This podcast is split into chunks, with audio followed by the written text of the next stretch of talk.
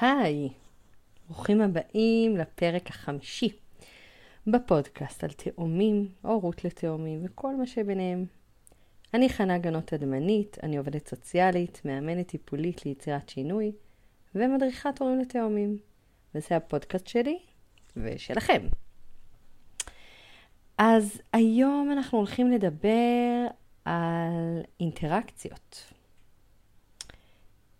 ומה זה אינטראקציות בכלל? מה זו המילה הגדולה הזאת? אנחנו ממש נצלול בעוד רגע קט לדבר על אחד הנושאים שהכי הכי מטרידים הורים לתאומים ברוב הגילאים, נגיד מגיל שנה, משהו כזה.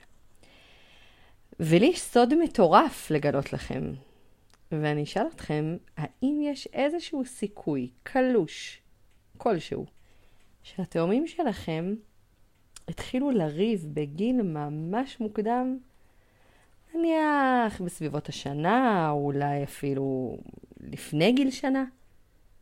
אז כן, זה לגמרי לגמרי קורה אצל תאומים. זו תופעה שאנחנו פחות רואים אותה אצל ילד... ילדים יחידאים, אנחנו הרבה יותר רואים אותה אצל תאומים, ולפעמים זה יכול מאוד מאוד להלחיץ. למה הם רבים? הם נורא קטנים? למה הוא חוטף לה? למה היא נושכת אותו? באמת קצת מלחיץ, נכון? אז אני מקווה שברגע שאתם תכירו מה עומד מאחורי הדבר הזה, מאחורי האירוע הזה, שחוזר על עצמו כנראה מספר פעמים ביום, בשבוע, חלק מהחיים באמת של הורים לתאומים, אז אתם ככה תהיו באיזושהי נחת ותפיסה קצת אחרת לגבי המצב הזה. אה, ואולי אפילו תתחילו להסתכל על זה מרחוק, מבחוץ, ולהסתכל באיזשהו אופן אה, אחר על הדברים, על המריבות האלה שמתרחשות בין התאומים. אז אני צוחקת שאני ממש אוהבת אה, שיש מריבות בין תאומים, וזה נשמע קצת אה, סדיסטי, מזוכיסטי, נכון? מה זאת אומרת? מה, את אוהבת שה, שהילדים שלך אה, רבים ביניהם? אז אה, אני אספר לכם סיפור. באמת, תאומים שלנו, אני צריכה לבקש מהם רשות לדבר עליהם, אבל אה, אני, אני לא אזכיר שמות. אז התאומים שלנו, כשהם היו מאוד מאוד קטנים, הם התחילו לריב. ואנחנו מאוד מאוד נלחצנו מזה. ולא ידענו מה עושים, והתערבנו המון. וזו הייתה, אחר כך למדנו שזו הייתה טעות מאוד גדולה, שהכל בסדר, שלא צריך להילחץ. זה חלק טבעי מאוד מההתפתחות שלהם כתאומים, וכל אחד בנפרד. אז מה יש שם בעצם במריבות האלה, שמעכשיו והלאה נקרא להם אינטראקציות? כי באמת יש משהו שהוא נורא מכבד בהסתכלות הזאת על מריבה כאינטראקציה. זה יותר, אנחנו יותר מקבלים את המושג הזה, אנחנו יותר מקבלים את האירוע הזה, את ההתרחשות הזאת בין התאומים, בין אם הם תאומים זהים, תאומות לא זהות וכולי. אז האינטראקציה היא באמת אה, איזשהו ביטוי של אה, התאום להגיד לנו משהו, לספר לנו משהו על עצמו בשלב ההתפתחותי הזה, הכל כך צעיר. הביטוי של זה בעצם אומר, אני רוצה לגדול ואני מחפש את המקום שלי בעולם. וזו הדרך שלי, זאת אומרת, זו אחת הדרכים שלי כדי להבין מי אני, כדי לגדול לתוך המרחב שלי האישי, כדי להכיר את הגבולות שלי. ואנחנו נראה באמת בהתחלה שהתאומים, גם אם הם לא הולכים עדיין, או אולי הם רק זוחלים, הם אה, ממש ייגעו אחד בשני בצורה פיזית שהיא מאוד נוכחת. הם ישימו את כל הגוף על התהום השני, אה, הם ייגעו, הם ירגישו, וזו הדרך של התאומים, של כל אחד מהם בעצם להבין מה, איפה הגוף שלי, איפה הגוף של התאום שלי. אני עד עכשיו הייתי רגיל לזה שאנחנו אחד. ועכשיו אני בעצם מתחיל להבין שאנחנו לא אחד, אנחנו שני תינוקות או פעוטות שונים לגמרי. איך שונים, לאט לאט אני אלמד מה השוני. לאט לאט אני אלמד מי אני, מה אני אוהב לעשות, מה נעים לי, מה לא נעים לי, מה האופי שלי, שהוא ממש ככה מתחיל להיבנות.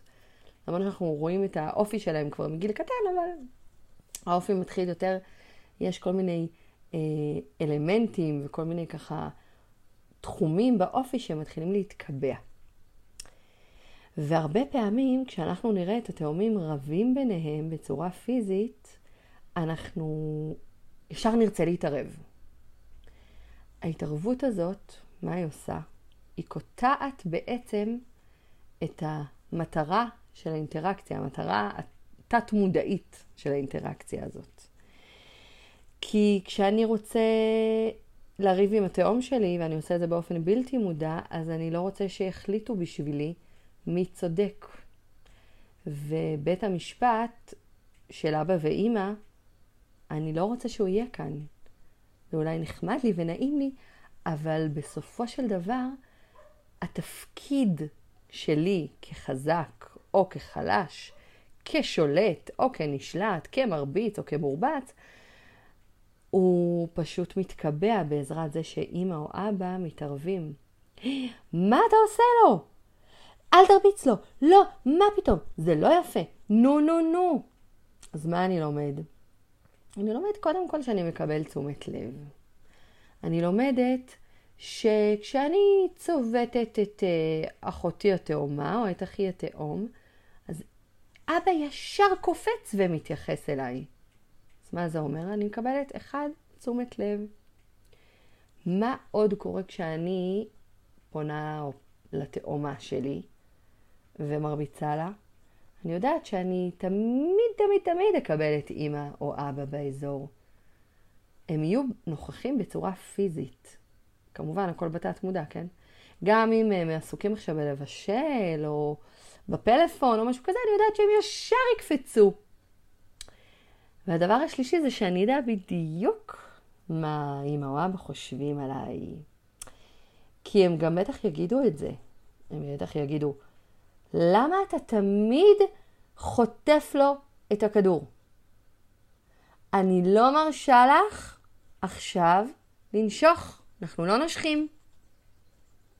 אוקיי? אז יש לנו פה שלוש סיבות שהן יומיומיות, לכאורה. מה הסיבות היותר עמוקות לסיפור הזה של האינטראקציות? בפרק על נפרדות, אה, אם לא שמעתם אז תחזרו להקשיב, דיברנו על, אה, זה היה כזה הערת המורה. דיברנו על זה שנפרדות בעצם אצל תאומים היא מורכבת יותר מאצל ילדים יחידאים. כי הנפרדות אצל תאומים היא בעצם נפרדות מה, אה, מהתאום שלי, אני נפרד ממנו, פסיכולוגית, אני נפרד מההורה המשמעותי, ואני גם נפרד מהזהות התאומית. כמובן, בדרך להבנה של מי אני כישות, כדמות נפרדת. אני לא באמת נפרד מכל הדברים האלה. אבל זו הדרך שלי לגדול ולקבל את הביטוי שלי באופן אישי בעולם. אז האינטראקציה היא הדרך של התאום. עוד אחת מהדרכים בעצם אה, להיפרד, הדרך הזו של הנפרדות. וכשאנחנו בעצם אה, מתערבים לתאומים במריבה שלהם, אז אנחנו אומרים להם, זה התפקיד שלך, ואנחנו לא מאפשרים להם בעצם לעשות את הנפרדות הזו שהיא כל כך, כל כך, כל כך חשובה לזהות שלהם. אנחנו בעצם משאירים אותם כזה ביחד, אנחנו אומרים, לא, לא, לא, אנחנו לא רוצים שאתם תהיו שתי דמויות שונות, אנחנו רוצים שאתם תהיו אותו אחד, או אנחנו לא רוצים שאת תדעי בדיוק איזה אופי יש לך, כי אנחנו עכשיו החלטנו שאת החזקה, והתאומה שלך היא החלשה. וכשאנחנו לא מתערבים, אז אנחנו נוטים להם לגלות לבד את הזהות הזאת, את האופי שלהם. עכשיו, אז, אז תגידו לי, מה, לא, לא להתערב בכלל? אז כן, להתערב. מתי להתערב ואיך להתערב? אז א', להתערב, קודם כל אתם מגדירים לעצמכם מה הם הקווים האדומים שלכם, כמשפחה, כהורים, כמובן, אנחנו לא מגדירים את זה עם הילדים, אבל אנחנו כן אומרים להם את זה וחוזרים על זה בכל מיני היבטים. אצלנו למשל, אני יכולה להגיד שיש לנו שני כללים מאוד מאוד ברורים. א', לא דוחפים, וב', לא מכים עם חפצים. ואלו שני גבולות שהצבנו אותם בקווים זוהרים בגיל מאוד מוקדם יחסית. כי שני הדברים האלה הם בעינינו מסוכנים, במיוחד לילדים קטנים, ואנחנו לא מוכנים שהם יהיו בבית. שאר הדברים, כן, בגדול. אז אה, א', גבולות ברורים וקווים אדומים. שתיים, זה אה, איך אני מתערבת. זה אומר שאני לא עכשיו אומרת, לך לחדר, אני לא מרשה שתעשה את זה, זה כמובן בגילים היותר גדולים, אלא אני עושה איזושהי הפרדה בין שניהם שהיא שווה. אני לא שופטת. אני לא מקבעת את המקום שלי כשופטת מול התפקידים שלהם. אוקיי? Okay? אני רוצה ליצור פה איזשהו איזון. דרך נוספת שאני מאוד מאוד אוהבת, זה חוץ מפשוט להפריד ביניהם באופן שווה, זה משהו שלמדתי אותו מוורד, כמו הרבה דברים שלמדתי ממנה, ורד בן פורת. והדרך הזו אומרת בעצם לחבק את שניהם ביחד. מה אני משדרת לתאומים שלי כשאני מחבקת את שניהם ביחד לאחר שהם רבו? אתם לא צריכים לריב על המקום שלכם. אתם לא צריכים לחפש תשומת לב. אני פה, ויש לי מקום לשניכם באותו זמן, בו זמנית. ואני מראה את זה גם בצורה פיזית, ואני גם יכולה להגיד את זה במלל. אני ממש מושיבה אותם עליי ומחבקת את שניהם ביחד.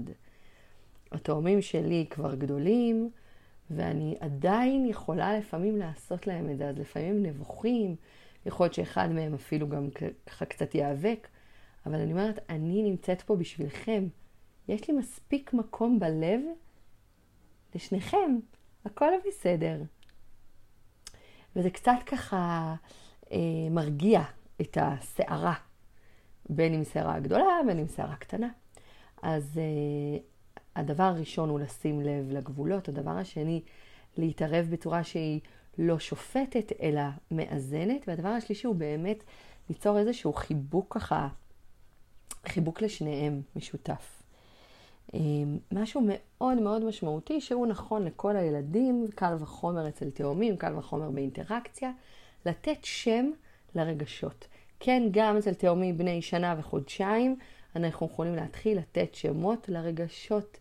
זו הדרך שלהם אחר כך ללמוד להגיד מה הם מרגישים. לא רק אתה כועס, אלא אתה מתוסכל מזה שעכשיו אה, הוא משחק במשחק. את עצובה מזה שעכשיו את, אה, אה, למשל, לא יודעת, אה, משעמם לך, סתם, זה ממש לא קשור, אבל ממש להשתמש ברגשות, לא להגיד, אוי ואבוי, קרה פה איזשהו, קרה, קרתה פה איזושהי מריבה, מה אני עושה, הצילו, בואו בוא נציל אותם. אלא רגע, הם אומרים לנו משהו. יש לנו כאן ילד שמנסה להגיד לנו משהו, אז בואו נשמע, ננסה לשים מילים לרגשות שלו. יכול להיות שאנחנו נטעה, אבל גם יכול להיות מאוד שהוא ייתן לעצמו איזשהו רוגע בזה שהנה, מישהו ראה אותי ומישהו ראה מה אני מרגיש. ובהמשך גם זה, זה מעורר אצלנו שפה רגשית שיכולה להיות נכס מאוד מאוד משמעותי לחיים בבית שלנו. אז שיום רגשות, ואני לוקחת את זה רמה אחת קדימה, לתת לגיטימציה גם לרגשות שליליים. אני רואה שאת מקנאה. נכון, זה באמת באמת לא נעים. את צודקת. אני מבינה שאת מקנאה. רגש של קנאה, הורים לתאומים הרבה פעמים מפחדים ממנו. לא צריך לפחד ממנו. הוא קיים, הוא נוכח, אפשר לדבר עליו. אם אנחנו נפחד ממנו, אז הוא רק יגיע ויגדיל את עצמו. והוא חלק מהחיים. כן, הקנאה זה נורא נורא מעורר קנאה. כשתאומה אחת מקבלת משהו מחברה שלה, והתאומה השנייה לא. או כשתאום אחד אה, אה, מצא איזשהו משחק מגניב, והתאום השני לא. כן, זה מעורר קנאה.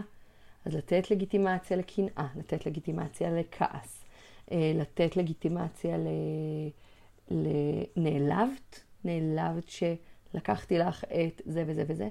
נעלבת שאמרתי לך לא, אוקיי? אז ממש ככה, אני משום מה משתמשת בביטויים של בנות, אבל זה ממש לא רק לבנות, זה גם לבנים וגם לבנות. בכלל, כל השיח שלי הוא גם לתאומים בנים, גם לתאומים בנות, גם לתאומיקס. קחו את מה שנכון לכם לפי התאומים שלכם.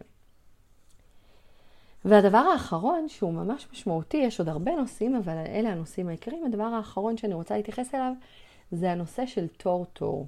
מה זה תור-תור? יכול להיות שגם דיברתי עליו בנפרדות, וזה נושא שתופס הרבה מקום, כי הוא באמת מגיל מאוד קטן. זה כשאני עכשיו אה, רואה את התאומים שלי משחקים למשל בפליימוביל, ויש אחד שרוצה אה, עכשיו את הבית של הפליימוביל, והשני ממש ממש ממש רוצה לשחק בו, אבל הוא לא יכול, כי השני לא מסכים שהוא ישחק איתו, אז אני יכולה להשתמש במושג תור-תור. אני רואה עכשיו, אתה רואה שעכשיו התאום שלך משחק? כמובן להשתמש בשם. עוד מעט יגיע תורך. אנחנו בתור-תור. או לשים טיימר. רבע שעה את משחקת בכדור, וברבע שעה הבאה אתה משחק בכדור. ואחר כך אנחנו מחליפים. ולהכניס את התור-תור הזה לעוד דברים בבית, כדי שהילדים יוכלו כבר להשתמש בזה באופן אה, ככה יומיומי, גם כשהם יגדלו, לא רק בגיל שנה, שנה וחצי וכולי. אז דיברנו על כל מיני נושאים שקשורים לאינטראקציות, ודיברנו גם על ה... אני עושה ככה איזשהו סיכום. דיברנו גם על הגיל המוקדם שהאינטראקציות מתחילות. הביטויים שלהם מאוד מאוד שונים מתאומים לתאומים, לפי הגילאים וכולי. דיברנו על, אמ, על מה אנחנו עושים, או למה בכלל זה קורה, האינטראקציות האלה, מה הסיבות היומיומיות, מה הסיבות הקצת יותר עמוקות, בתת מודע, שקשורות לנפרדות אצל התאומים, למשימה ההתפתחותית שלהם. דיברנו על מה עושים, מה עושים כדי לעזור להם, בכל זאת, בלי להתערב, אלא כן להיות מעורבים, בצורה שהיא לא ככה שולטת על הסיטואציה, אלא מאזנת את הסיטואציה. דיברנו על החשיבות של החיבוקים, על לשים גבולות אדומים, על אה, לשיים את הרגשות, לתת לגיטימציה לרגשות שליליים, ולעשות, להכניס את המושגים של תור-תור. דבר אחרון בהקשר הזה, שהוא חשוב מאוד בבית וגם במסגרות החינוכיות, כשאנחנו מדברים אליהם ביחד, אז הם מייצרים קואליציה אחת. מה זה קואליציה? תאום א', תאום ב', מתחברים אחד עם השני ויוצרים אחד. וכשאנחנו אומרים לשניהם ביחד, תפסיקו לקפוץ על הספות, אנחנו מייצרים קואליציה ביניהם. אנחנו מייצרים, אחר כך יהיה לנו מאוד מאוד קשה להפריד את הקואליציה הזאת, כי הם רואים את עצמם כגוף אחד. ולכן כשאנחנו רוצים להציב גבולות, גם אם זה באינטראקציה, במיוחד אם זה באינטראקציה, גם בכלל, אז אנחנו רוצים להגיד לכל אחד מהם את הלא בנפרד. זה מתקשר לנו קצת לגבולות שאנחנו נדבר עליהם בהמשך באחד הפרקים הבאים, אבל אנחנו רוצים להגיד לא לכל אחד מהם, בדיוק כמו שאם שניהם מאוד מאוד עזרו עכשיו בעריכת השולחן, אתם לא רוצים להגיד לשניהם, וואו, תודה שעזרתם לי לערוך את השולחן, אלא תודה לך, או תודה לך, שהבאת את הכוסות. תודה לך שהבאת את הסכו"ם. זה היה לי מאוד נעים שעזרת לי לערוך את השולחן. אז גם שם אנחנו רוצים לייצר נפרדות, לא להפוך אותם לגוף אחד, לאיש אחד, לישות אחת. אה, זהו, זה הפרק שלנו על אינטראקציות בין תאומים, ואני ממש ממש אשמח לשמוע מכם מה אהבתם, מה לקחתם. אתם יכולים ככה לכתוב לי בהודעה, אה, לשלוח לי ככה אה, תגובה באינסטגרם, בפרופיל שלי בפייסבוק, מה שבא לכם. חנה גנות אדמנית, זה ככה באנגלית, והפרטים גם נמצאים בתיאור של הפרק. ואנחנו ניפגש בפרק הבא. להתראות.